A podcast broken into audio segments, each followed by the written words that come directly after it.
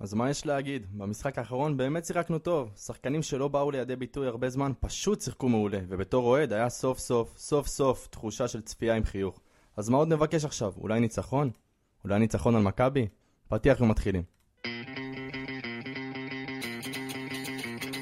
בוא נראה, בוא נראה את ברדה! ברדה עושה את זה שוב! שלוש, שתיים, באר שבע!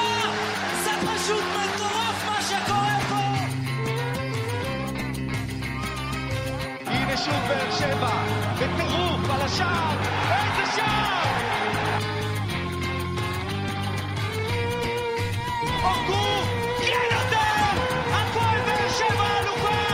ואת השמחה של האוהדים האדומים אפשר לשמוע באר שבע! ברוכים הבאים לפרק השני של פודקאסט האנליסטים. אנחנו פה באולפן קול במקיף ו'. שלום לחברים שלי באולפן, גל גוסרסקי. אהלן. שלום למיכלובסקי המלך. שלום, שלום. לידור. שלום, שלום. אז אנחנו באמת אחרי המשחק מול חיפה ברגשות אה, מעורבים, היה לנו משחקנו טוב. אה, ואנחנו באמת לקראת המשחק הבא, משחק שכולנו כולנו פה מתרגשים בשבילו. אבל היום אנחנו נתחיל קצת שונה את התוכנית. בואו נתחיל עם הפינה של לידור, אני קורא לזה לידור של לפני משחק. לידור, של שלום, שלום. בו- שלום, בוקר טוב לנו, מה קורה? בוקר קודם טוב. כל מה שלומך? אני בסדר, כן, יופי, זה מה שחשוב. בסדר, בלחץ? למחר. אופטימי? אופטימי, אני תמיד אופטימי. אופטימי. גם בהימור שלי בסוף הפודקאסט אתם תבינו כמה אני אופטימי. אופטימיות זהירה. אה, כן. אבל אה, בוא נתחיל ככה, נדבר קצת על מה קורה מחר. מי אמור לשחק, מי לא אמור לשחק, מי פצוע, מי מורחק, מי בסכנת צהובים. נעבור על זה ככה, אה, ואז גל ושחר פה אה, יגידו לנו איך זה משפיע עלינו מבחינת המשחק. אז בואו נתחיל ממכבי תל אביב. אה, גולסה. גולסה בסימן שאלה למחר. הוא פצוע, זה נכון, אבל הוא חזר להתאמן ב- בשבועיים האחרונים. רשמו באיזשהו אתר שאולי יקבל קצת דקות אה, אה, מולנו, בשביל שיהיה מוכן למשחקים, אה, יש להם הרי שבוע הבא שתי משחקים מול אה, מכבי חיפה שיכולים להכריע את העונה לשתי הקבוצות, גם בגביע וגם בליגה. חוזז כנראה סיים את העונה, אז הוא לא ישחק מולנו. טיבי אה, הורחק במשחק האחרון של מכבי, אז גם לא ישחק מולנו. ואנשים שלדעתי ישמרו לעצמם על הרגליים, זה הרננדס, שהוא בסכנת צהובים, ולא, ואם הוא יקבל צהובת נגדנו, הוא לא ישחק במשחק מול הגביע, ואיתו עם הרננדס יש לנו את ייני, את פשיץ' ואת קנדיל, שהם שחקנים סופר משמעותיים לדעתי. אל תשכח את דור פרץ. דור פרץ גם, תכף ניגע בו, אבל... וזה מאוד אה, מאוד משמעותי, כי יש שחקנים פה שמתבססים על אגרסיביות, והם יצטרכו מאוד לשמור על הרגליים. נכון, ואם הם לא ישמרו על עצמם, הם אה, מפסידים את אחד המשחקים הקריטיים. Mm, כן. וכמובן דור פרץ, אה, סימן שאלה גדול, כי בחלק מהמקומות רשום שהוא כן ישחק ולא ישחק. הוא אחרי תקופה מאוד מאוד קשה, גם מבחינת הנבחרת וגם מבחינת ה- הליגה, הוא תמיד שיחק רציף, אז הוא ככה, אה, לא יודעים עוד מה קורה, אם הוא יפתח, לא יפתח, ישחק, לא ישחק, כי בעיקר מכבי תל אביב, סליחה, מסתכלת בעיקר קדימה לשבוע משחקים הבא. מול מכבי חיפה, כן. בדיוק. דור פרץ זה גם באמת שחקן שהיה לו המון המון עומס במשחקים האחרונים, הוא משחק 90 דקות כבר, אה, המון משחקים רצוף. תשמע, הוא משחק- הוא משחק 900 דקות רצוף. 900 דקות רצוף זה פסיכי. זה זה פסיכי. נתון מטורף. אני לא יודע איך הוא עומד על הרגליים. לגמרי. אה, דיברת קודם על גולס, אנחנו רק כך ניגע בכל השחקנים שבאמת אה, ישחקו, שלא ישחקו, כמה זה משפיע. באמת, השחקנים שדיברת עליהם עכשיו, שחקנים מאוד משמעותיים במכבי תל אביב. זה כן, לדעתי, זה שחקנים מאוד משמעותיים, כן, אבל מכבי תל אביב הוכיחה השנה לא פעם ולא פעמיים שזאת קבוצה עם עומק. יש לה ספסל עמוק, אני יש לה מאמין ספסל ש- מאוד עמוק, והיא יכולה להסתדר גם עם שחקנים שהם לא יהיו פצועים. אני עדיין חושב שהמשחק מולנו, ברור שהם באים לנצח, הם בפער של חמש נקודות גם עכשיו במכבי חיפה. אבל יש להם משחק מול מכבי חיפה בבלומפילד, ואחר כך גם בגביע, בליגה ובגביע, והפוקוס שלהם על שני המשחקים האלה אין ספק בכלל. שחר, אתה צריך לזכור שאנחנו בפלייאוף, במרוץ אליפות, כל משחק זה גמר גביע. נכון, נכון, ועדיין, תסכים איתי ששוב, אם אתה נכנס לראש של ון ליוון, אני הייתי חושב על שני המשחקים מול מכבי חיפה. אני לא בטוח, כי אם הוא לא מנצח ביום שני, הוא יכול להיות מחוץ למרוץ אליפות, והמשחק מול חיפה לא, לא רלוונטי בכלל.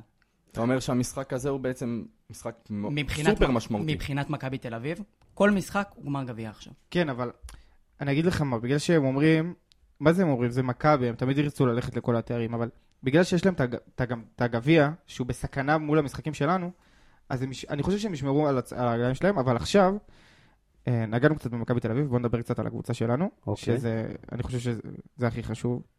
להסתכל על בשביל עצמנו זה אנחנו בעיקר. תכף אנחנו ניגע עוד במכבי תל אביב, אבל מבחינת ה... הקבוצה שלנו, אז יש לנו את הקולציה, שהקולציה אומנם ישחק במשחק הזה, אבל במשחק מול אשדוד הוא לא ישחק, כי הוא כבר בחמישה צהובים, הוא צבר חמישה צהובים. מי שבסכנת צהובים למשחקים אחרי, זה גולדברג עם ארבעה צהובים, מלי עם ארבעה צהובים, קאבה עם ארבעה צהובים ושבירו עם ארבעה צהובים.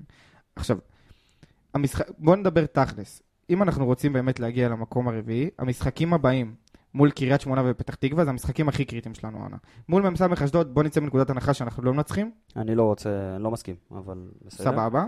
אבל uh, המשחקים מול, אני חושב שהמשחקים מול קריית שמונה ופתח תקווה זה המשחקים הכי קריטיים שלנו, במיוחד אחרי התוצאות תיקו האחרונות שהם עשו. גם קריית שמונה, גם מ"ס אשדוד וגם uh, פתח תקווה. נכון. במשחקים מולם באמת יש לנו סיכוי לעקוף, להתקדם קדימה בטבלה, זה באמת המשחקים העיקריים. נכון. כן, אבל אני לא חושב שאנחנו צריכים לחשוב על זה בהקשר של הצהובים, כי לא מדובר פה על שחקנים שאין להם תחליף. אז גולדברג לא ישחק, אז טוויטו יעלה. אפשר להגיד שזה חילוש, אבל זה לא הרי גורל. תשמע, עדיין, זה... המשחק מול מכבי תל אביב, אני באופטימי. אולי זה בגלל המשחק מול מכבי חיפה, אבל אני באופטימי. והמשחקים הבאים באמת יקבעו. עכשיו, דיברת על הקולציה, הוא הביא משחק טוב מול, אה, מול מכבי חיפה. שוב, המשכיות, כמו שדיברנו בפרק הקודם. אה, אני רוצה לראות את זה גם מול מכבי תל אביב, לפני שאני אגיד לך, בואנה, זה משמעותי שהוא עם, אה, יקבל צהוב ולא ישחק מול אשדוד. גולדברג זה השחקן היחיד ברשימה שאני באמת דואג ממנו, ש... שתגיד לי, הוא לא ישחק במשחקים הבאים ובאמת משמעותיים האלה. אבל שוב, בוא נעבור את המשחק מול מכבי תל אביב, כי צהובים של שביר או, או כן. מלי קאבה, אני יכול לחיות איתם. גם. אה, לא דיברנו פה עליו, אבל יש לנו פצוע אחד כרגע, שזה קלטינס. וזה מאוד משמעותי, לדעתי. אה, אנחנו גם רואים את ההשפעה שלו במשחקים האחרונים, הוא היה מאוד חסר לנו במשחקים אני האחרונים. חושב שקלטין זה שחקן סגל כאילו שנותן לנו המון, בגלל שהוא מכסה הרבה אופציות ויכול לעזור לנו בתור מגן ימני ובתור קשר. אה, מקווה שנקבל אותו לעונה הבאה טרי ובכושר. אז זהו, לגבי העונה הבאה, יש הרבה אי ודאות לגבי המשך העונה שלו, איך אתם רואים? מי, כאילו, קלטינס? לגבי קלטינס, העונה הבאה? כן. תשמע, אני חושב שזה, עוד פעם, כמו שדיברנו על הרכש בפרק שעבר, זה נורא תלוי סיטואציה. נורא, אם אנחנו יכולים בכלל להשתחרר מהחוזה שלו, או לא יכולים להשתחרר מהחוזה. ואני חושב שקלטינס, הקדנציה שלו בבאר שבע היא לא מוצלחת, אבל אה, אני חושב שקלטינס זה שחקן שאתה צריך להתאבד עליו בעונה הבאה, כי הוא יכול לכסות כל כך הרבה עמדות, בכל כך הרבה שטחים, ובתור מגן ימני הוא עדיף, הוא עדיף על דדיה.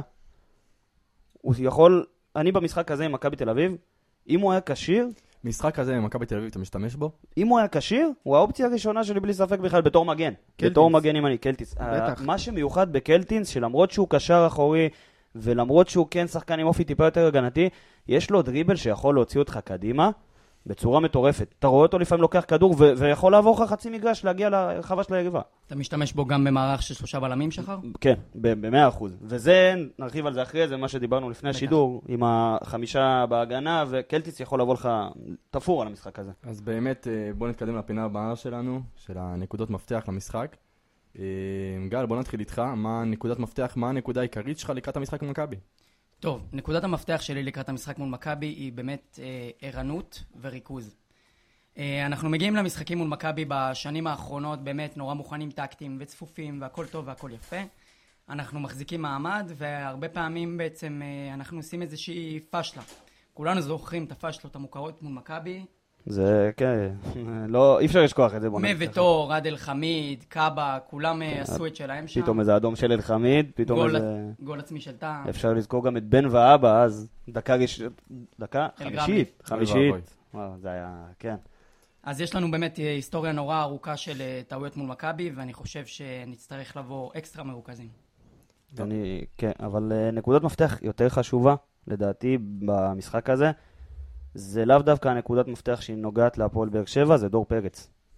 דור פרץ זה שחקן שעליו תקום ותיפול מכבי תל אביב, ויש פה מספרים שכן מוכיחים את זה, ו- ואני אקריא ואתם תהיו בהלם לדעתי. דור פרץ, קודם כל היכולות שלו, זה לדעתי, זה הכי חזקות, זה ההצטרפות מקו שני, וזה שהוא עושה כל כך טוב גם הגנה וגם התקפה. הקישור של מכבי תל אביב יקום ויפול על דור פרץ. עכשיו, יש לו הכי הרבה איומים למסגרת במכבי תל אביב, וזה, האיומים שלו מחוץ ומתוך הרחבה, המספרים שלהם הם כמעט שווים, 27 איומים מחוץ לרחבה ו-25 מתוך הרחבה. אה, מאבקי אוויר, הוא מקום שני בקבוצה עם 114 ו-65 מוצלחים, מה שאומר שעל כל מאבק אוויר שני שהוא נכנס אליו, הוא זוכה בכדור. אה, מאבקי קרקע, הכי הרבה בקבוצה, 340 ניסיונות ו-178 מוצלחים. שוב, כל מאבק שני שהוא נכנס, מוצלח. הכי הרבה תיקולים, מוצלחים וניסיונות. הכי הרבה חילוצי כדור בחצי היריבה. מקום רביעי במכבי תל אביב בחילוצי כדור. זה, זה מטורף. אני חושב שגם בהקשר של דור פרץ, דיברנו על העומס שהיה לו, במשחק מול קריית שמונה היה באמת, אפשר לראות את זה עליו. אה, אתה חושב שהוא יפתח שחר? לא יודע. ובגלל זה זאת הנקודת מפתח, כי אם דור פרץ לא פותח, למכבי תל אביב יש קישור מספיק טוב גם בלי דור פרץ להתמודד עם הפועל באר שבע, למרות שהוא עליו זה יקום וייפול. אבל אין לו באמת תחליף. נכון? זה, זה, המספרים האלה מוכיחים את זה, ובגלל זה אני חושב שוון ליוון יעדיף אותו במשחקים מול מכבי חיפה. מבחינת הקבוצה שלנו, יש לנו יכולת להתמודד עם דור פרץ, במיוחד בפורמה הטובה שהוא נמצא בה. תלוי במערך שתעלה בו. נכון. אנחנו ניגע בזה אחר כך ב- בהרכבים, נגיע וב- לזה, כן. אנחנו ניגע בהכל. אה, הנקודת מפתח שלי למשחק הזה, באמת בהקשר למשחק האחרון, זה קולציה וסלליך. אני חושב שבמשחק האחרון הם היו מאוד דומיננטיים. אה, אני הרגשתי אותם מאוד במשחק. אה, אני מקווה שהם יצליחו להביא את זה למשחק הקרוב. תשמע, אני חושב שבהקשר של אלקולציה וסולליך, מה שדיברנו עליו במשחק הקודם זה באמת האגרסיביות, הגישה. אנחנו צריכים לבוא למשחק הזה בטירוף מהרגע הראשון, לבוא אגרסיביים, לבוא כמו שנכנסת. למשחק מול חיפה. בדיוק. אני חושב אבל שהרגשת את צלליך והקולציה יותר בגלל השיטה שמכבי חיפה שיחקה בה. מה שנגענו בו בפרק הקודם, אה, אתה יודע, יותר סגירות של, אה, של כנפיים ומגנים. מכבי תל אביב פחות משחקת ככה. זה משחק שונה, אנחנו גם משחק נדבר שונה על זה. לגמרי. אה, לידור, יש לך איזה נקודה כלשהי למשחק הקרוב, נקודת מפתח כלשהי? כן, אני בפרק הראשון אה, דיברתי קצת על, אה, על עניין השיפוט. עכשיו, ראיתם מי השופט שלנו, גרינפלד. לא עף כזה על השיבוץ, אבל אני- אני אגיד לכם מה.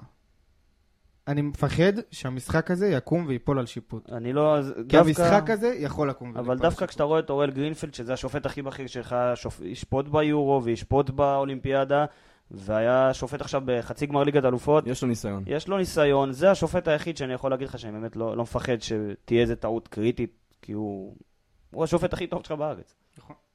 אבל שוב פעם, אני, אני, אני, אני, אני כן חושב שאני צריך, ל- ש, שאנחנו צריכים לשים על זה לב, על עניין השיפוט גם. אה, כי באמת, אם, אם, אחד, אם אחד מהשחקני מפתח שלנו, אם זה בבאר שבע, אם זה במכבי תל אביב, יקבל אדום מאוד מוקדם, זה יכול לשנות את המשחק, לקחת אותו לכיוונים אה, רחוקים. תשמע, אני חושב שגם המשחק הזה יקום ויפול הרבה על, אה, על הרוגע ועל הריכוז שהקבוצות נמצאות בו, כמו שאמרתי קודם. ומכבי תל אביב תבוא בלחץ. ושופטים יודעים להוציא שחקנים מריכוז, וקהל יודע להוציא שחקנים מריכוז, ומכבי תל אביב לחוצה. זה יכול לשחק לטובתנו, זה גם יכול ללכת לרעתנו. מכבי תל אביב תבוא בלחץ, צריך לסגור. אתמול המשחק של אה, מכבי חיפה, הגדילו את הפער, חמש נקודות. אם מכבי תל אביב רוצה לבוא רלוונטית למשחק העונה, היא צריכה לנצח אותנו בטרנר, וראינו שזה לא, לא פשוט. חייבת היא לנצח. חייבת לנצח אותנו בטרנר. אנחנו מדברים הרבה על הלחץ של מכבי. אה, אני חושב שגם אנחנו באים, עם, עם, תמיד כשזה משחק מול מכבי תל אביב, זה משחק שאתה אתה רוצה לה- להביא יותר אקסטרה. אנחנו רואים את זה משחקנים, כמו שאתה מגיע למשחק בליגה האירופית. אני מצפה משחקנים, את הצעד קדימה, צעד וחצי קדימה יותר מכולם, לתת במשחק הזה. אני באמת חושב שהזכרנו את זה בפרק הקודם עם רוני לוי, שרוני לוי יודע להכין אותך למשחק אחד. אני מקווה שהוא ידע להכין אותך למשחק מול מכבי תל אביב כמו שהוא הכין את הקבוצה למשחק מול uh, מכבי חיפה. כי זה שיטות דומות אבל שונות לגמרי. וגם צריך לזכור שמצד אחד זה משחק מול מכבי תל אביב, מצד שני אנחנו באים בלי לחץ. אירופה היא קרובה, אבל אנחנו לא, לא מדובר פה, אנחנו לא במרוץ אליפות כמו מכבי תל אביב, אנחנו באים מעמדה יותר נוחה. אני דווקא חושב שאנחנו כן בלחץ, כי אם אנחנו מפסידים את המשחק הזה, אנחנו או לא יוצאים בתוצאה טובה, שמבחינתי תוצאה טובה זה גם תיקו במרוץ הזה, אנחנו לא, לא רלוונטי בכלל לזה. זהו, אני, זה פורח לנו. אני לא מסכים. כי תיקו מול מכבי תל אביב כרגע, תהיה תוצאה שאתה יכול להגיד, בסדר.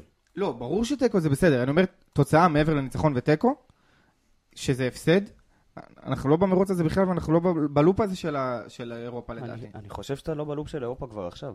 אני מצטער לנפץ לך את אתה האשליה. במרחק של שלוש נקודות מה- מקריית שמונה. ועדיין, ועדיין, קריית שמונה לא במקום לאירופה, וגם מי אמר שאירופה כל כך טובה לנו? נכון? אירופה אולי תכניס כסף. אני חושב שיש פה שתי צדדים, כי אירופה העונה אנחנו, זה העונה האחרונה שאנחנו עם הניקוד של 16-17. נכון. שזה באמת הקמפיינים הגדולים שלנו וזה מאוד משמעותי. אבל אה, מצד שני, אם אין לך אירופה, אתה יכול להתחיל לעשות אה, מחנה אימון, להתכונן לעונה, ולבוא יותר חד ויותר מרוכז. צריכים לזכור שהעונה הזאת, עוד פעם, זאת הייתה עונת קורונה כמעט בלי, בלי שנייה של מנוחה לשחקנים בקיץ שעבר, עם עומס מטורף, עם סגרים, עומס מנטלי, עומס פיזי. אירופה כן תכניס לך הרבה מאוד כסף והרבה מאוד תקציב, אבל שוב, יש לך סגל שעם חיזוק נכון יכול לרוץ פה בליגה לדברים מאוד יפים בעונה הבאה. אתה יכול אולי לא לקרוא תיגר, אתה יודע, על אליפות, על מכבי תל אביב ומכבי חיפה, אבל כן להיות פקטור משמעותי בליגה הזאת עם סגל כזה וחיזוקים. שחר, אני, אני, אני רוצה לשאול אותך שאלה. אתה חושב שאירופה עשתה לנו טוב העונה? העונה, אני לא יודע להגיד לך. תשמע, אתה נראית טוב באירופה, אתה לא התבזית. זה כבר אה, על אה, יוסי אבוקסיס. אבל חזרת לליגה, היו לך תקופות ששיחקת גם בליגה וגם באירופה, והיית נראה טוב. אני חושב שבאת בפורמה בתחילת עונה, ואם לא היית צריך להתמודד בשתי מסגרות, יכולת להתחיל את העונה הזאת יותר טוב, וברגע שאתה מתחיל עונה טוב, אתה לא יודע איך היא תיגמר. זהו, אני גם... אני זוכר גם ב... כולנו זוכרים את העונת האליפות הראשונה. והיה לנו... להבדיל, שיחקנו בגביע גם. והיה לנו את המשחק מול מכבי חיפה, שהפסדנו בו 3-1 לדעתי, נכון? בסמי עופר? כן. בגביע. נכון. ואני זוכר שיצאתי מהאצטדיון וכל האוהדים אמרו, תעזבו את הגביע, בוא נתעסק באליפות. עכשיו, זה יכול גם להיות מול אירופה, כי אם באירופה יש לך את העומס הזה, ויש לך עוד משחקים, אתה יכול גם, אה, אתה יודע, להתמקד רק בנקודה אחת. תשמע, דיברת גם על 15-16, אחד היתרונות הגדולים שלנו ב-15-16 זה שעפנו באירופה. ומכבי הייתה בליגת אלופות. נכון? זה אבל- עזר לנו מאוד למרוץ. זה עזר לך למרוץ, אבל עוד פעם, שנה הבאה אתה לא תהיה במרוץ כלשהו. אתה תהיה במרוץ של להיות כמה שיותר טוב בתור הפועל באר שבע. זה, זה בדיוק ההבדל, אני חושב שאנחנו צריכים לבנות את עצמנו לעונה הבאה, ויכול להיות שאירופה באמת תפגע בזה. תשמע, אני חושב שאנחנו צריכים לבנות את עצמנו לא, לא לרוחב. כאילו, לבנות את עצמנו עם שחקנים איכותיים בהרכב, ולא עכשיו להעמיד סגל של 18-19 שחקנים טובים. אז uh, אני חושב שהקמפיין באירופה, אם נעשה עונה הבאה, לא יעשה לנו טוב. אני לא יודע אם לא יעשה לנו טוב, אבל בוא נגיד שגם אם לא נהיה באירופה, זה לא יהיה כזה אסון גדול, אז כן יהיה לך יותר uh, זמן להכין את הקבוצה, וכן יהיה לך זמן יותר uh, uh, לנוח לשחקנים, ומחנה אימון כמו שצריך, זמן יותר, הרבה יותר זמן לחשוב על חיזוק נכון, כי, כי זה משהו קריטי לעונה הבאה. לסיים מקום שישי. זה, לא זה מסתכל על כישלון? זה, לא מסת... העונה הזאת, אני אגיד לך את האמת, עוד פעם אני אגיד את זה, זאת עונת קורונה, אני לא לוקח שום דבר מהעונה הזאת, שום דבר, עונה לא טובה, מוחקים ממשיכים. התחלת עם מאמן, עם אה, יוסי אבוקסיס, התחלת טוב, ראית שזה לא הולך, פיטרת אותו, בא רוני לוי באמצע העונה, היה לך תקופה של ברדה ומליקסון שהיו, אתה יודע, אבל האמירה של אני לא לוקח שום דבר מהזה, לדעתי זה טעות. צריך ללמוד מכל דבר, ואני חושב שגם פה, מהעונה הזאת, שהיא עונת קורונה, נכון שחר? יש הרבה מה ללמוד ממנה. טעויות, שיפורים, אני בטוח שיש. אני מסכים איתך, ואני חושב שבפלייאוף הזה, במשחקים שנותרו, פחות חשוב לי לנצח, זה אולי קצת מוזר להגיד, יותר חשוב לי לדעת מה יש לנו ביד. זאת אומרת, נכון. יותר חשוב לי שננסה דברים, ניתן צ'אנס, צ'אנס לשחקנים, ננסה מערכים, ונגיע בעמדה טובה יותר לעונה הבאה. בדיוק, כמו שדיברנו עליו בפרק הקודם עם שגיב יחזקאל וורן. לבדוק את שגיב יחזקאל עם עוד חלוץ לידו, נגיד, זה רעיון שכן הייתי עושה בעונה הזאת. כן הייתי רוצה לראות את זה בפלייאוף הזה, וזה הרבה יותר דחוף לי מאירופה, הרבה יותר דחוף לי מהכסף, כי אלונה תדע להביא תקציב. יהיה תקציב. יהיה תקציב, יהיה לך גם תקציב שמספיק לליגה הזאת, אתה לא תהיה עם תקציב פתאום של אה, קריית שמונה או של אה, הפועל כפר סבא. חד משמעית. אז תקציב יהיה, שחקנים יבואו, חיזוק יבוא. אירופה זה שאלה של אם אתה מגיע, הכל טוב, תודה רבה, יש לך וי קטן על העונה הזאת. אם לא, לא נורא, קדימה, להמשיך. אז באמת בהקשר הזה אנחנו נדבר, נשנה את החזרה לנושא של המשחק הקרוב. אה, אני רוצה לשמוע את ההרכבים שלכם לקראת המשחק. תדברו איתנו קצת מה אתם חושבים שהפועל צריכה לעשות, איך היא צריכה לפתוח, מי השחקנים המרכזיים. אה, גל, אתה רוצה להתחיל איתנו? אני אתחיל בהרכב שלי. יאללה. ההרכב שלי הוא ככה, מערך 5-2-1-2, כשלויטה בשער, דדיה מגן ימני, אלחמיד, מיגל וטאה בלמים, גולדברג מגן שמאלי, בררי, בררו ומלי בקישור, ז'וסווה בעמדת העשר, וורן ויחזקאל, כמו שאמרנו, שני חלוצים. אוקיי. גם מכמה סיבות. אחד, אנחנו נדבר על זה בהמשך, מכבי תל אביב מעמיסה את הרחבה מאוד, ואנחנו נצטרך שם נוכחות. שתיים, אני רוצה לנסות את הנושא הזה של ורן ויחזקאל, כמו שדיברנו עליו. אה, ומעבר לזה, אלה השחקנים שאני מאמין בהם, אלה השחקנים שאני בוטח בהם. ורן ויחזקאל לא שיחקו בכלל אה, באחד ליד השני, העונה? לא. לא. אז אתה אומר, אתה אומר משחק מול מכבי תל אביב, אני בעצם כאילו נותן, נותן פה שתי שחקנים שלא שיחקו עוד אחד ליד השני, מנסה אותם במשחק מול מכבי תל אביב. תשמע, אני חושב שזה גם מערך שיכול טיפה להשתנות, הוא יכול להפוך מ-5-2-1-2 ל-5-2-3. זאת אומרת שג'וסווה בימין ויחזקאל בשמאל. נכון. בעצם כשאנחנו יוצאים קדימה, ז'וסווה יכול לבוא לכיוון האמצע, לקבל כדור, ושניהם יתמרכזו לכיוון הבלמים. אמ, אני, כמו שאמרתי, אני לוקח את המשחקים הקרובים כניסויים. אני רוצה לדעת מה יש לנו ביד ומה אנחנו צריכים. יותר מאשר נקודה פה או נקודה שם. אני פחות מתייחס לזה כניסויים, כי נגד מכבי תל אביב קשה לעשות ניסויים. זה בכל זאת משחק שהוא מאוד אמוציונלי, אתה יודע, גם לעצמך, גם לקהל, גם לקבוצה עצמה, זה לא משחק רגיל, אבל זה כן משחק שהייתי רוצה לראות בו את השיטה הזאת, כי זו שיטה שבאמת יכולה להתאים למשחק הזה ספציפית. שוב, גם בוא, בוא באמת נסביר למה, למה ורן ויחזקאל. עובד ביחד.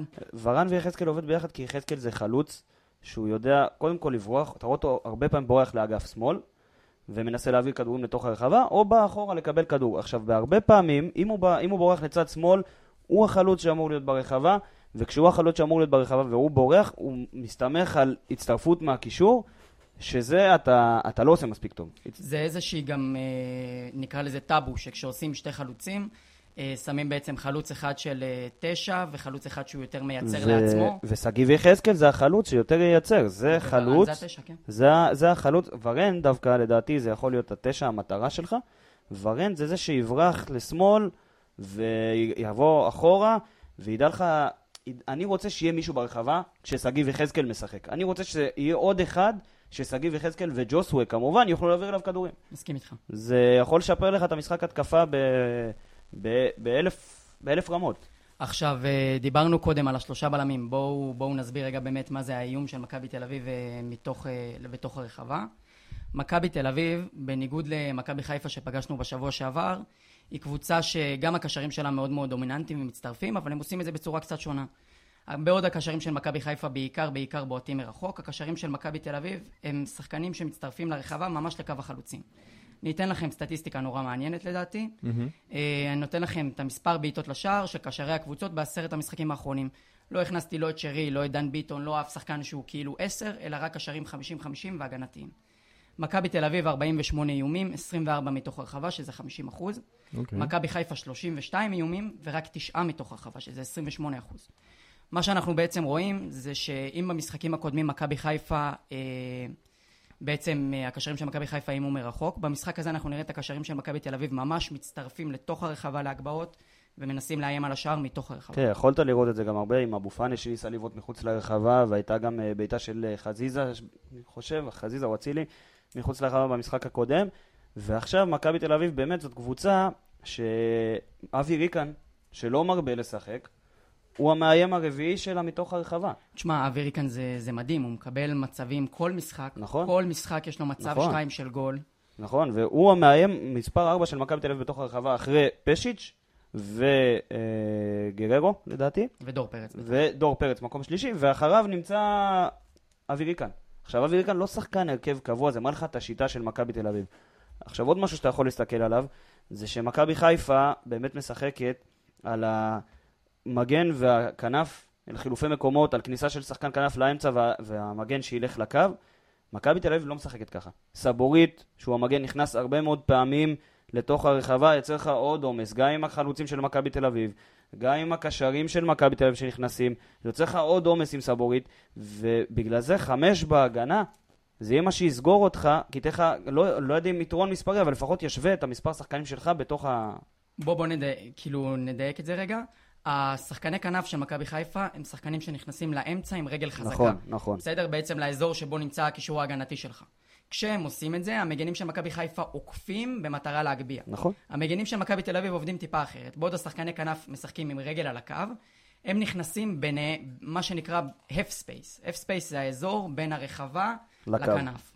אז בעצם זה האזור, הם מנסים להיכנס בין הבלם למגן של הקבוצה היריבה ולייצר שם יתרון מספרי. Mm-hmm. זה משהו שאנחנו נצטרך להיות מאוד ערניים עליו. סבורית עשה את זה במשחק נגד אשדוד, הבקיע גול. אה, זה משהו שאנחנו נצטרך לשים לב אליו, שהשחקנים צריכים להיות קבוצות, מודעים אליו. הרבה קבוצות באות לא שחקנים- מוכנות לזה גם. איזה שחקנים ספציפיים בהרכב צריכים לשים לב לזה יותר? תשמע, זה תלוי איך אתה משחק עוד פעם באיזה מערך. כל מי שמשחק על קו ימין, קישור אמצע ימין, צריך לשים לב לדברים. וסבורית ספציפית. עכשיו, בהרכב שאני בחרתי... כן, בוא בוא באמת תגיד לנו את ההרכב שלך, ההרכב שחר. שלדעתי, זה הרכב מאוד דומה להרכב של גל. אה, כמובן לויטה בשער, אני הלכתי ל-5-3-2 עם שלוש בקישור וורן ויחזקאל חלוצים. בקישור שלי, בשונה מגל... חוליית הגנה היא אותה חוליית הגנה, דדיה, אלחמיד, ויטור וטאה בלמים, וגולדברג ב... בשמאל, דדיה בימין כמובן. באמצע שלי יש את אותו אמצע כמו נגד מכבי חיפה. בוא תזכיר בררו- לנו. בררו, קאבה וג'וסווה. אוקיי. ואני אסביר, וורן וחזקאל חלוצים. עכשיו, באמצע אני רוצה לראות כן את קאבה, אני כן רוצה לראות את קאבה, ולמה? כי לדעתי הוא מצטרף קדימה הרבה יותר טוב ממלי. ואם הוא לא עד דקה 70 נגד מכבי חיפה, ראינו אותו כשהוא עדיין, עדיין טרי, אני יכול לקרוא לזה, עם כוח, כן היה לו את הכוח לצאת קדימה ולעזור לג'וסווק בהתקפה. זה משהו שאתה יכול לראות, כי ה... כשמכבי תל אביב מצטרפת קדימה עם הקשרים שלה, היא בעצם סוג של חושפת את האמצע שלה. כשאתה, אם אתה פותח עם אה, דן גלאזר, דור פרץ ואבי ריקן, ודור פרץ ואבי ריקן מצטרפים לרחבה, זה משאיר את דן גלאזר ואת החוליה ההגנתית שלה די חשופה. שלרוב גם יש עוד מגן שתוקף. בדיוק, סבורית, או מצד שני, אם זה ג'רלדש, זה... הם, הם משאירים את האמצע וההגנה שלהם קצת חשופים. עכשיו, אם אתה תצא קדימה עם ג'וסווה ושגיב יחזקאל, וקאבה ייתן את העזרה שלו, ויש לך את ורן שמה, אתה כן יכול להוציא משהו במתפרצות במשחק הזה, ו- ואתה, וזה הרבה יותר יעזור לך. אני חושב שגם נורא חשוב ערנות טקטית. אנחנו צריכים נכון, לדעת מתי דור פרץ ואבי ריקן לא נמצאים בעמדות, ומתי אנחנו יכולים לצאת קדימה במספרים, ולדעת לנצל את זה. ראינו את זה גם במשחקים נגד אשדוד, אשדוד יצאה הרבה פעמים קדימה, ועשתה את זה נורא נורא איטי, ובכל זאת כמעט נתנה למכבי 3-0 במחצית. אז פה אני רוצה לשאול אתכם שאלה שקצת תתקיל אתכם, בסדר? אני קצת מתקיל אתכם. אנחנו נמצאים בדקה 50, אוקיי. בסדר? 1-0 מכבי תל אביב. אוקיי. מה, מה השינוי שאתם עושים פה במערך? כל אחד יגיד לי אם, את מי הוא מכניס, מה, מה, פה אני מתקיל אתכם קצת, בסדר? נותן לכם פה קצת אה, לחשוב. אבל אני, אני, מה שמכבי תל אביב מאוד ידועה בו זה החילופים. אה, פתאום גררו נכנס לך ואתה יודע, עושה לך פה את השינוי במשחק. באמת, יש לנו, יש לנו את היכולת הזאת בכלל לשנות משחק באמצע? תשמע, אנחנו יכולים לשנות משחק, להגיד לך איזה חילוף בדיוק נעשה, זה יותר תלוי, אתה יודע, השתלשלות של משחק, מי טוב, מי לא טוב, מי מתאים למשחק שמתפתח. אבל מעבר לזה, אה, אני חושב שברגע שאנחנו נקבל את הגול הראשון, יהיה לנו מאוד מאוד קשה לחזור. כי אני חושב שמכבי תל אביב היא קבוצת מתפרצות קטלנית. זאת אומרת, אם אנחנו נותנים לה שטח, היא תנצל אותו. ראינו את זה במשחק הקודם, הגול השני שחטפנו היה פשוט מעליב, שלושה קשרים של מכבי בתוך הרחבה, בועטים עד שנכנס. כן. כן. אבל, אני אה, חושב שאנחנו צריכים להיזהר מאוד מלתת להם את השטח הזה, גם אם אנחנו נופלים לפיגור, לא, לא לאבד את הראש, כי אנחנו נחטוף את השני מהר מאוד. כן, אבל אני חושב שבמשחק קודם מול מכבי תל אביב זה היה ב- בטרנר, נכון? לא, אני... לא, בבלומפילד אני מדבר איתך, על- חוזר איתך למשחק בטרנר. אה, אתה ראית שם באמת את השחקנים של מכבי תל אביב יוצאים להתפרצות, וזה היה הרבה יותר בולט, אבל אני חושב שהעמידה שלך במגרש תהיה דומה מאוד למשחק מול מכבי חיפה, וכשאני אומר את זה אני מתכוון לעמידה נמוכה. וכשאתה עומד נמוך אתה הרבה פחות חשוף למתפרצות, וגם כשתצא קדימה, אתה תצא עם הרבה פחות שחקנים, ואנחנו כנראה שנראה את זה מחר. אבל אם כבר דיברת על שינוי, שאתה יכול, אם אתה בדקה 50, מכבי תל אביב מובילה לך 1-0, אני מכניס את תומר יוספי במקום מרואן קאבה. תומר יוספי יודע לעשות הגנה, ותומר יוצא, יוספי יוצא הרבה יותר טוב קדימה ממרואן קאבה. מרואן קאבה יודע לעשות את זה, אבל יותר חזק הגנתית, ובגלל זה אני פותח איתו. אה, אוקיי. דיברת על ההצטרפות מהקישור באמת להתקפה, כדי לייצר יתרון מספרים נכון. מול ההגנה של מכבי, אבל אני חושב שיש פה עוד נקודה שכדאי לגעת בה בקשר לקישור. מכבי תל אביב היא הקבוצה שלוחצת גבוה הכי טוב בליגה. היא גם לוחצת הכי הרבה פעמים, והיא גם לוחצת בהכי יעילות. אני חושב שאנחנו נצטרך להיזהר מאוד, להיזהר מאוד לא לאבד כדורים באזורים מסוכנים, וכולנו יודעים מי השחקנים המועדים לזה. חד אמ, משמעית, כולם יודעים. נצטרך להיות מאוד אחראיים, כי מכבי תל אביב היא קבוצה טובה, היא פיזית, היא אינטנסיבית, קבוצה מאוד טובה. אבל היא לא כזאת יצירתית. היא קבוצה יחסית מוגבלת, יש לה כמה תבניות שעוד נדבר עליהן, אבל ברגע שאתה סוגר את התבניות האלה, אפשר לתקוע אותה להרבה מאוד דקות ולמנוע ממנה לייצר מצבים. תשמע, משהו... אסור לנו לחלק מתנות. אה, באמת, אני אשאל אתכם פה, לידור, אה, תצטרף איתי גם, מי השחקן המרכזי שלכם בכל מערך? מי הפקטור, השובר אה, שוויון, שאתם רואים אותו יותר אה, בא לידי ביטוי בהרכבים שלכם? כרגע בהפועל באר שבע אני לא יכול להגיד משהו אחר חוץ מג'וסווה. לא יכול. אה, כי אנחנו ראינו במשחק האחרון, שאתה יודע... הוא לא היה טוב. על ההתחלה, כל השחקנים עליו, פאולים, אתן לך- ושמירה סופר כפולה. אז בוא אני אתן לך נתון שכן קשור לזה. שחקני מכבי תל אביב הם מאוד מאוד נזהרים מלעשות עבירות בחצי שלהם במגרש. בממוצע של 4.4 עבירות למשחק, זה הכי פחות בליגה. בעבירות וואו. בחצי שלה. עכשיו, אם ג'וסווה כן יהיה בחצי של מכבי תל אביב, אתה תראה עליו פחות עבירות, אולי קצת יותר מארבע ב- בסיכום של המשחק, כי זה בכל זאת ג'וסווה והוא יודע לסחוט את זה, נכון. אבל היא לא קבוצה שעושה עבירות בחצי שלה במשחק. אני לא בטוח שזה קשור באמת לאגרסיביות או לזהירות של לא, שחקנים לא, מכבי. לא, ב- לא בזהירות, זה קשור לשיטת משחק. זה קשור לזה שלא נמצאים בחצי שלהם, שהם הקבוצה שנמצאים הכי הרבה בחצי, הכי פחות בחצי שלהם בכל הליגה אבל אני. עדיין חושב שאתה כן, זה כן קשור לשיטת משחק, וכן תראה ג'וסווה כן סוחט עבירות, אבל לא כמו שאתה רגיל לראות אותו. אה, דיברנו על זה בהתחלה, כשדיברנו על סליליך וקולאצה. באמת, האם האגפים שלנו יהיו פעילים במשחק הזה, או שזה יותר יבוא מהאמצע המשחק? איך, איך אתם רואים את המשחק הזה? שוב, אני רוצה לראות את סלליך והקולאצה באותו משחק כמו נגד מכבי חיפה. כולנו רוצים לראות אותם כמו במשחק. נכון, אבל עדיין, זה, זה לא קרה, אני לא ראיתי שום המשכיות מהם ב... אתה יודע, כל העונה. אני מקווה שהמשחק המשחק האחרון מול מכבי חיפה כן נתן להם אולי נתן להם איזה סטירה או שתיים ש... קצת מאוחר מדי לדעתי, לא, אבל... לא, אה, קצת מאוחר. לא, אני מבסוט על המשחק הזה, שום... אתה יודע מה, גם עדיף מאוחר מאשר אף פעם. זה... זה חד משמעי. גם במיוחד להתפוצץ מול מכבי תל אביב, תסכימו איתי שכולנו רוצים את זה. בוא... זה לא יקרה, בוא, אבל בוא נוריד. ציפיות, בוא נוריד ציפיות, אבל uh, צריך להיזהר גם עוד משהו ממכבי תל אביב. היא 31% מהשערים שלה, העונה, הם כבשו ברבע שעה האחרונה של המשחק. הם קבוצה, אפשר להגיד קבוצה עם תחת. היא קבוצה עם תחת, מכבי תל אביב. זה...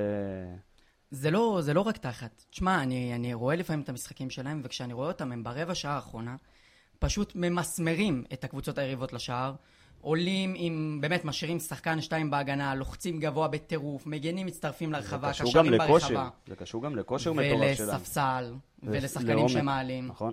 ושוב, אם ראינו עוד פעם את פו- את הפועל באר שבע מתעייפת באזור דקה 70, זה משהו שצריך לשים לב אליו, וזה משהו שהחילופים של רוני לוי צריכים לבוא פה לידי ביטוי. חשוב להגיד שלא משנה מה תהיה תוצאת המשחק, בש... בדקה 75 מתחיל משחק חדש, שמכבי תמסמר אותנו לשער אם היא צריכה גול. ופה... אנחנו חייבים להיות חזקים ולעמוד בזה. מכבי 60-70% מהפעמים גם נותנת את הגול שלה במצבים האלה. נכון, ופה גם 17 מתוך 54, זה נתון... אה, כמעט שליש מהשערים שלה זה ב, בדקות האלה, אבל שוב, לדעתי פה רוני לוי נכנס. כי רוני לוי נכנס פה עם חילופים, אמרנו עליו כבר שהוא מאמן שלא מרבה לעשות חילופים. ואם הוא עושה חילופים, זה בדקות המאוד מאוד מאוד מאוחרות. אז- וגם לא מנצל את כל המשחק- משחק חילופים.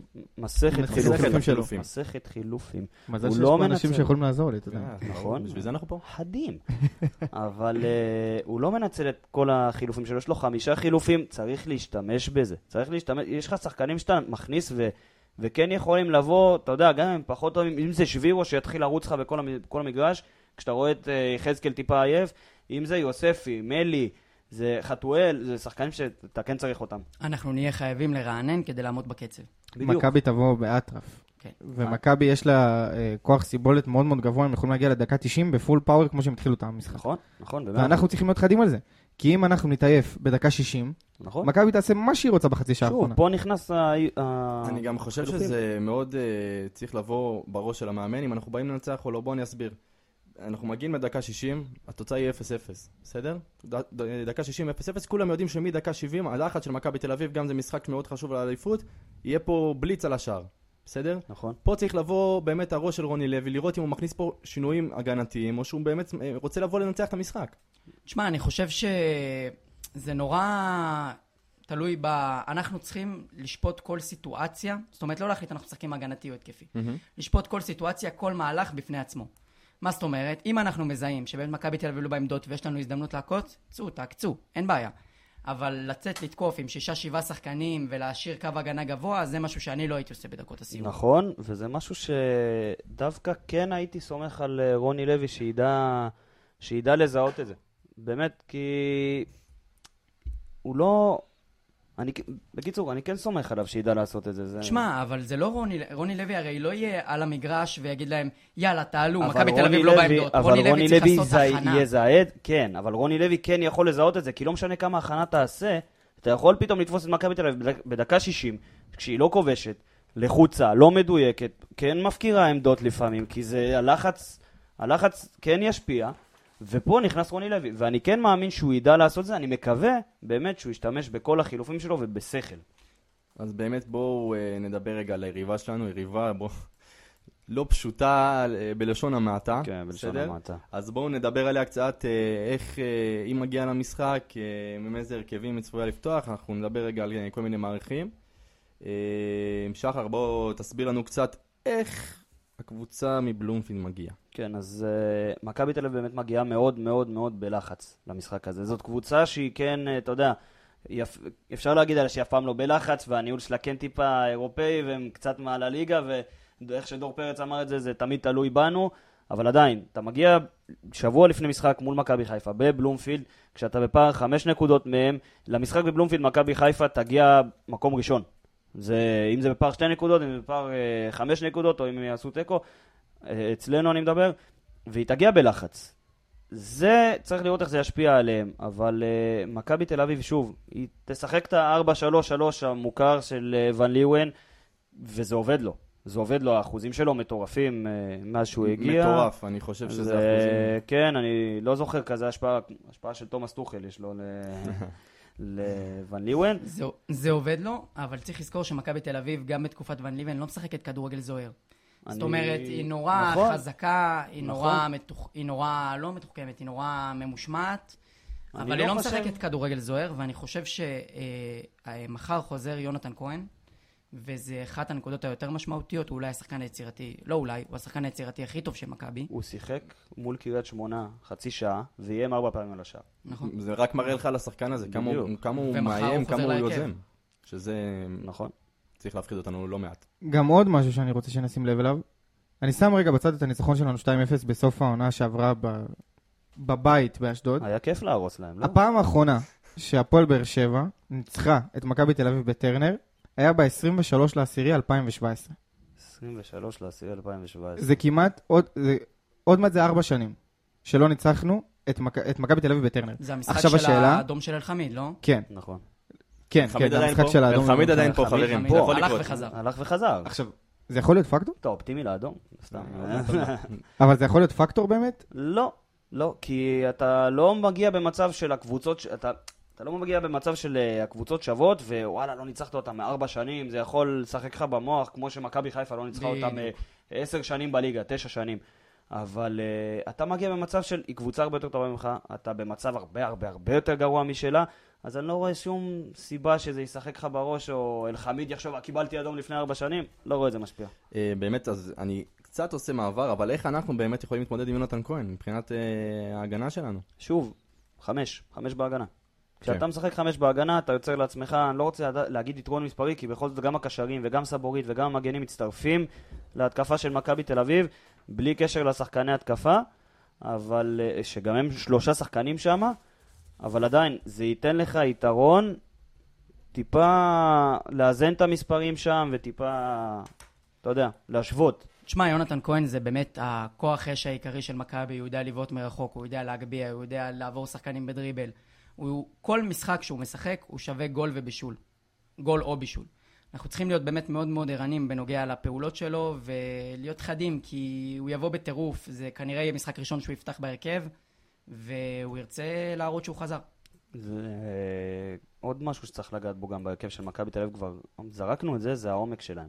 עומק שאני לא חושב שיש קבוצה בארץ, אולי מכבי חיפה לא, קצת מתחרה, גם אבל למכבי תל אביב, למכבי תל אביב יש את העומק הכי גדול בארץ, וכשאתה יכול לעלות מהספסל אה, בתור חילוף גם את בלקמן, וגם את אה, דן ביטון. דן ביטון, וגם את איתי שכטר, וזה שחקנים שכן יכולים, זה ש... הם שווים גולים בליגה הזאת. ותגיד פחות, תגיד יותר, במיוחד במקרה של חילוף. במיוחד שאנחנו רואים כמה ון לבן בעצם יכול לש... לשנות את המשחק באמצע. החילופים שלו עושים לו משחקים, במיוחד בתקופה הזאת שהוא רץ לאליפות. נכון, כי הוא עושה חילופים טובים, שחקנים עם כושר, שחקנים שכן שווים גולים בליגה הזאת, ו... אני חושב שגם אחד הדברים לזכות ון ליבן ואחד הדברים שבאמת הכי חזקים אצלו זה שהוא יודע לנהל את הסגל, לזהות מי בכושר, לזהות מי, מי מוכן לעלות לשחק והיו לו המון המון בינגואים העונה. הרבה פעמים שחקנים שהוא הכניס תוך כמה דקות נתנו גול וזה יכול להכריע משחקים. כן, זה גם מתחבר לך לנתון שהם מבקיעים בדקות האחרונות, נכון. עם החילופים. חילופים מאוד אפקטיביים. אז בואו נלך קצת אה, אחורה. אוקיי. אה, מתוך 63 משחקים שלנו נגד מכבי תל אביב, אוקיי? אנחנו ניצחנו 14 פעמים, אוקיי. ומכבי ניצחה 34. אתה מדבר אוקיי. ב... משחקים שלנו נגד מכבי תל אביב ב-63 משחקים אחרונים, אוקיי. נגד מכבי תל אביב, אוקיי? עוד נתון פסיכי לדעתי, אנחנו הבקענו נגד מכבי תל אביב 53 שערים, אוקיי? מכבי תל אביב הגיעה מולנו 105. תמיד קשה מולם. תמיד שמע, קשה מולם. שתבינו, כאילו, אה, אה, אה, אני לא יודע מה זה אומר, כאילו, באמת, אני- זה- זה נתון למשחק הזה. מטורף. אני, אני, הדעה האישית שלי, מכבי גם תפקיע במשחק הזה, אבל... אבל פער פי שתיים בגולים? המון. תשמע, אתה מדבר על 63 משחקים, זה באמת על תקופה ארוכה. מכבי קבוצה שכמובן, היסטורית עדיפה עליך. אה, אני חושב שיותר נכון להסתכל על החמש-שש שנים האחרונות, אפילו יותר קצר מזה. הניצחון האחרון שלנו בבית, אמרת, זה באדום של אלחמיד. הניצחון האחרון בחוץ, אם אני נכון. לא טועה, זה 2017. ב-1-0 של חנן ממן. אני אה, תכף אבדל לך את זה גם. השלישית, תוודא לי את זה. אה, אני מדבר בליגה. כן, אבל רק בליגה. אבל עוד פעם, תסכים איתי שזה פחות רלוונטי למשחק הזה. זה לא רלוונטי, לא מדובר פה באותן קבוצות, לא אנחנו ולא הם. אנחנו מגיעים למשחק הזה כאנדרדוג מובהק, אנחנו צריכים לעשות את הדברים שלנו ולתפוס אותם לא מוכנים. אתה צודק. המשחק האחרון ש...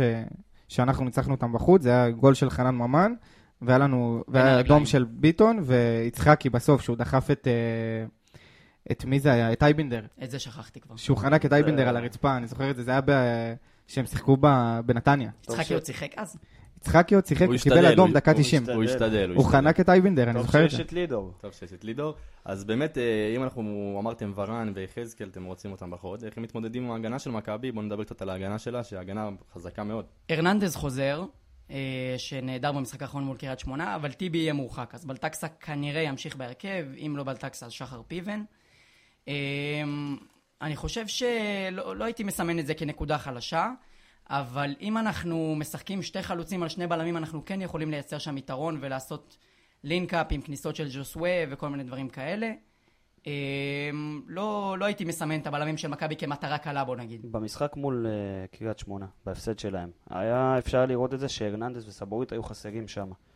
והרננדס וסבורית בסכנה גם הם של צהוב. גם ג'רלדש לא שיחק מול קריית שמונה. גם ג'רלד ג'רלד נכנס מחליף. אבל הם היו חסרים הרננדס וסבורית, הם חוזרים, זה כן ישפר את ההגנה של מכבי תל אביב, אבל בכל זאת שניהם עם צהוב, ואתה יודע, אם הם מקבלים צהוב לא משחקים מול מכבי חיפה, שוב אנחנו חוזרים לנקודה הזאתי, ומעניין, מעניין לראות. מעניין אותי לראות איך השחקנים שלהם שעם צהוב יתנהלו, כי או שהם נכנסים לבאמת כל משחק זה אליפות ולא מעניין אותם, לא רואים בעיניים, או שהם כן ישמרו את עצמם. אני חושב שגם פה זה אינטרס שלנו לחמם את המשחק, מה שנקרא. כולנו יודעים איך טרנר נראה, במש- נראה ונשמע במשחקים מול מכבי. אה, אני חושב שאנחנו צריכים לנסות טיפה להוציא אותם מהכלים, לעצבן אותם. יש לנו שחקנים שיודעים לעשות את זה, הקהל שלנו יודע לעשות את זה.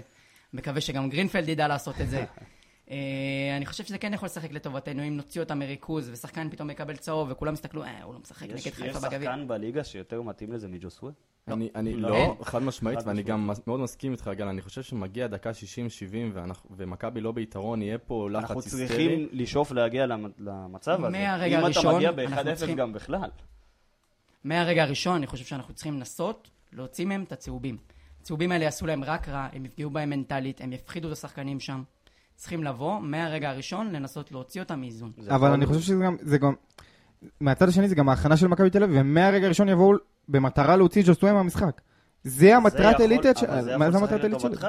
למה? כי אם הרננדס וסבורית ודור פרץ, כולם בסכנה של צהוב, ומישהו יצטרך לקחת את ג'וסווה ולעצבן אותו, הוא גם מסתכן בצהוב, בדיוק כמו שראית את רודריגז. הוא ניסה לעצבן את ג'וסווה וגם הוא אכל את הצהוב שלו במשחק מול מכבי חיפה. אז כשאתה רואה את הדבר הזה, זה בא לטובתך. אני, אנחנו בדרך כלל לא, כמו שבתוכנית הקודמת לא דיברנו על השוער, ואמרנו, היה ויכוח כזה אם צריך לדבר על השוער, כמה הוא אפקטיבי. אני חושב שהשוער של מכבי, בוא נדבר עליו קצת, כי העונה שלו באמת עונה מטורפת לדעתי.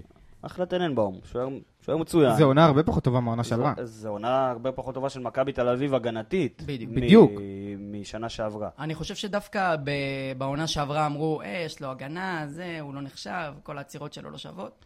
ואני חושב שהעונה עם הקצת היחלשות של ההגנה של מכבי, אנשים ראו שטננבאום הוא שוער טוב, הוא גם שוער צעיר, והוא ישראלי. אני חושב ששוער נבחרת ישראל בעתיד.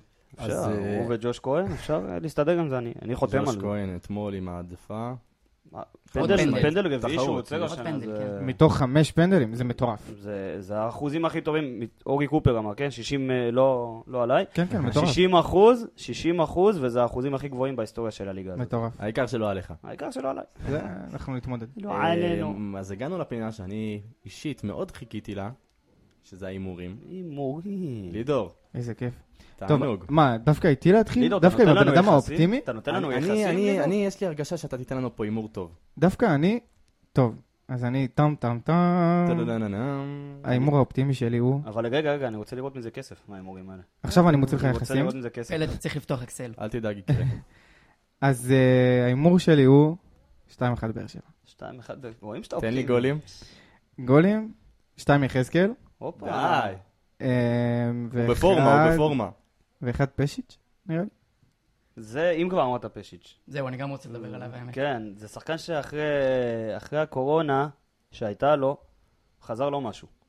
אבל עדיין, זה, לדעתי זה חלוץ מטורף. תשמע, אבל הוא חלוץ הזוי, כאילו, אני רוצה רגע? להתמקד בזה. מה זאת אומרת? מגיע לך חלוץ, מטר תשעים ושתיים, אתה בטוח שהולך להיות פה איזה טנק ברחבה, לנגוח כדורים וזה, ומגיע לך שחקן, כל נגיעה שלו עקב, דריבלים על הוא- שטח קטן, בדיוק. כאילו... אתה לא מצפה מ- משחקן בגודל שלו להיות טכני כמוהו. הרושם שלו כל כך מטעה, כאילו, הוא... אין לו, אין לו את האגרסיביות אתה הזאת. יודע, אתה, אני... אתה רואה אני- אותו, אתה רואה כדורים אר- ארוכים מגיעים אליו, הוא לא מצליח. להשתלט עליהם, ואז אתה רואה את שכטר נכנס, דוחף את הזה, מביא את הזה. אתה מצפה לראות כן את הדברים האלה מפשיץ', אבל הוא, הוא הפוך, חלוץ הוא הפוך. באופי אחר פשוט. באופי אחר, אבל אני ראיתי, סתם קראתי דיווחים שהם לא מתכוונים אה, להמשיך איתו ב- בעונה הבאה, עם פשיץ'? עם פשיץ'. אני חושב שאם הם לא מתכוונים להמשיך איתו בעונה הבאה, ואחרי עונה שאי אפשר להוציא אותו לאירופה, אה, בוא ניתן עליו מהלך, נראה לי זה אז הזמן. זה- כמה הזמן, מרוויח. זה הזמן, זה לא משנה. שאלת אותי מקודם על אה, יחסים. כן, תן לי יחסים. אז הפועל באר שבע היחס שלנו 4.50, על תיקו. איקס 3.50, אני קונה אחד-אחד, רשמתי וזה שלי. מכבי 1.50. סבבה, אז איקס, אז. מפה רגע, שחר, תן לנו את ההימור. אני איקס, אחד. אני... אני הולך על איקס, אחד-אחד. גולים? שגיב יחזקאל. ושל דור פרץ. חברים, שגיב יחזקאל פה בפורמה. לא, אתה יודע מה?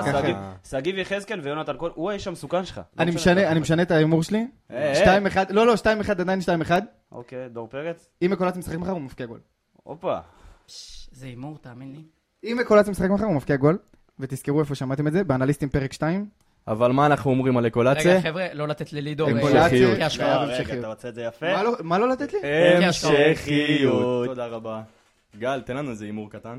אה, אני אהיה קצת נביא זעם, אני חושב שמכבי תל אביב תנצח 2-1. איזה נביא אה, זעם. ממש אה, הלכת רחוק. מופרך, מופרך. גול. יונתן כהן ופשיץ', נגיד, וויטור בקרן. אז אני הולך להרחיב לכם יותר. אתם מוכנים לזה? מה? שלוש. דקה 60, 0-0. אוקיי. חילוף. נכנס לו איזה אחד חמודון, דן ביטון, והוא מפקיע לך 1-0 דקה 86. ככה ייגמר המשחק, חברים יקרים. דן ביטון? דן ביטון? דן ביטון. וואי, דן ביטון זה כואב. אבל דן ביטון, אני חייב להגיד עליו משהו, כי הוא נמחק אצל ון ליוון. הוא נמחק. עד שהוא הגיע אליו הוא היה מלך הבישולים של הקבוצה. אני לא יודע אם זה? עדיין, אתם תגידו לי אתם. הוא עדיין מלך בישולים. גם היום, יש לו, הכי הרבה מסירות מפתח מדויקות במכבי, למרות שהוא לא משחק כבר כמה חודשים. אבל הוא כן נותן לו במשחקים האחרונים קצת כן, כמה אבל דקות דן, פה, קצת דן, כמה דקות שם. דן ביטון זה שחקן שצריך לשחק את העמדה מספר 10 בשביל לתת את זה. שאין את זה במערך של מכבי. ואין את זה במכבי תל אביב. אם דן ביטון ישחק במערך של מספר 10, זה יכול להחליש את הקישור שלהם משמעותית. ואם הוא ישחק ואתה תדע לנצל את זה קדימה, אז אני כן רואה את ה-2-1 שלך קורה לי. אני מאמין שדן ביטון זה כלי שוון ליבן, אם ישתמש בו, ישתמש בו בדקות יותר מאוחרות, כשהוא יצטרך בעיטות מרחוק, כשהוא יצטרך אה, נייחים טובים. ו... אבל דווקא בדקות מאוחרות האלה אתה יכול למצוא אותם פחות מאורגנים. ואז ההימור של לידור נכנס פה לאיזה... אני... לא, שלא תבין לא נכון, אבל אני... למרות הכסף ששמתי על ה-1-1, אני אשמח לקבל את ההימור שלך, כן? מעדיף להפסיד את הכסף שלי מאשר... גוססקי, איפה אתה יושב מחר? במערבי. במערבי, אז אתה יושב לידי. אני אומר לכם פה הנה הבטחה. אם מקולציה שם גול, נו. אני רץ לגוסרסקי, קופץ עליו ועושה סרטון, מעלה אותו לפייסבוק שלנו. אני רוצה לראות. סרטון שאתה נותן לו בוסה במצח. אבל זה עולה. לאנליסטים. איפה שאתה רוצה יעלה, מה אכפת לי? העיקר קולקציה יפקיע גול סוף סוף. אם הקולציה חברים, מבקיע... אז באמת ב... ככה נסיים את ה... בנימה אופטימית. בנימה אופטימית מאוד, נקווה שיהיה פה המשכיות כמו שאנחנו אוהבים, המשכיות. ושניפגש פה במאוד שמחים אחרי המשחק. אז שוב נודה לאולפן קול במקיביו, שככה מארח אותנו פה. אני רוצה להוסיף תודה גם אחת תן לנו. לעידן שוהם, הלו הוא פריזר, שעזר לנו פה להקים את האולפן הזה, ונתן פה יד, וכל הכבוד לפריזר. אז כולם ביחד אחלה פריזר. אחלה פריזר. כל הכבוד אה, לפריזר. אה, תודה רבה גל גוסרסקי, תודה רבה שחר מיכלובסקי, לידור רוטמן, אני הייתי פלד ארבלי. אחלה פלד. ויאללה הפועל. יאללה הפועל, בוא ניתן בראש. כל הכבוד חברים. בוא נראה, בוא נראה את ברדה, ברדה עושה את זה שוב! שלוש, שתיים, באר שבע! זה פשוט... מה...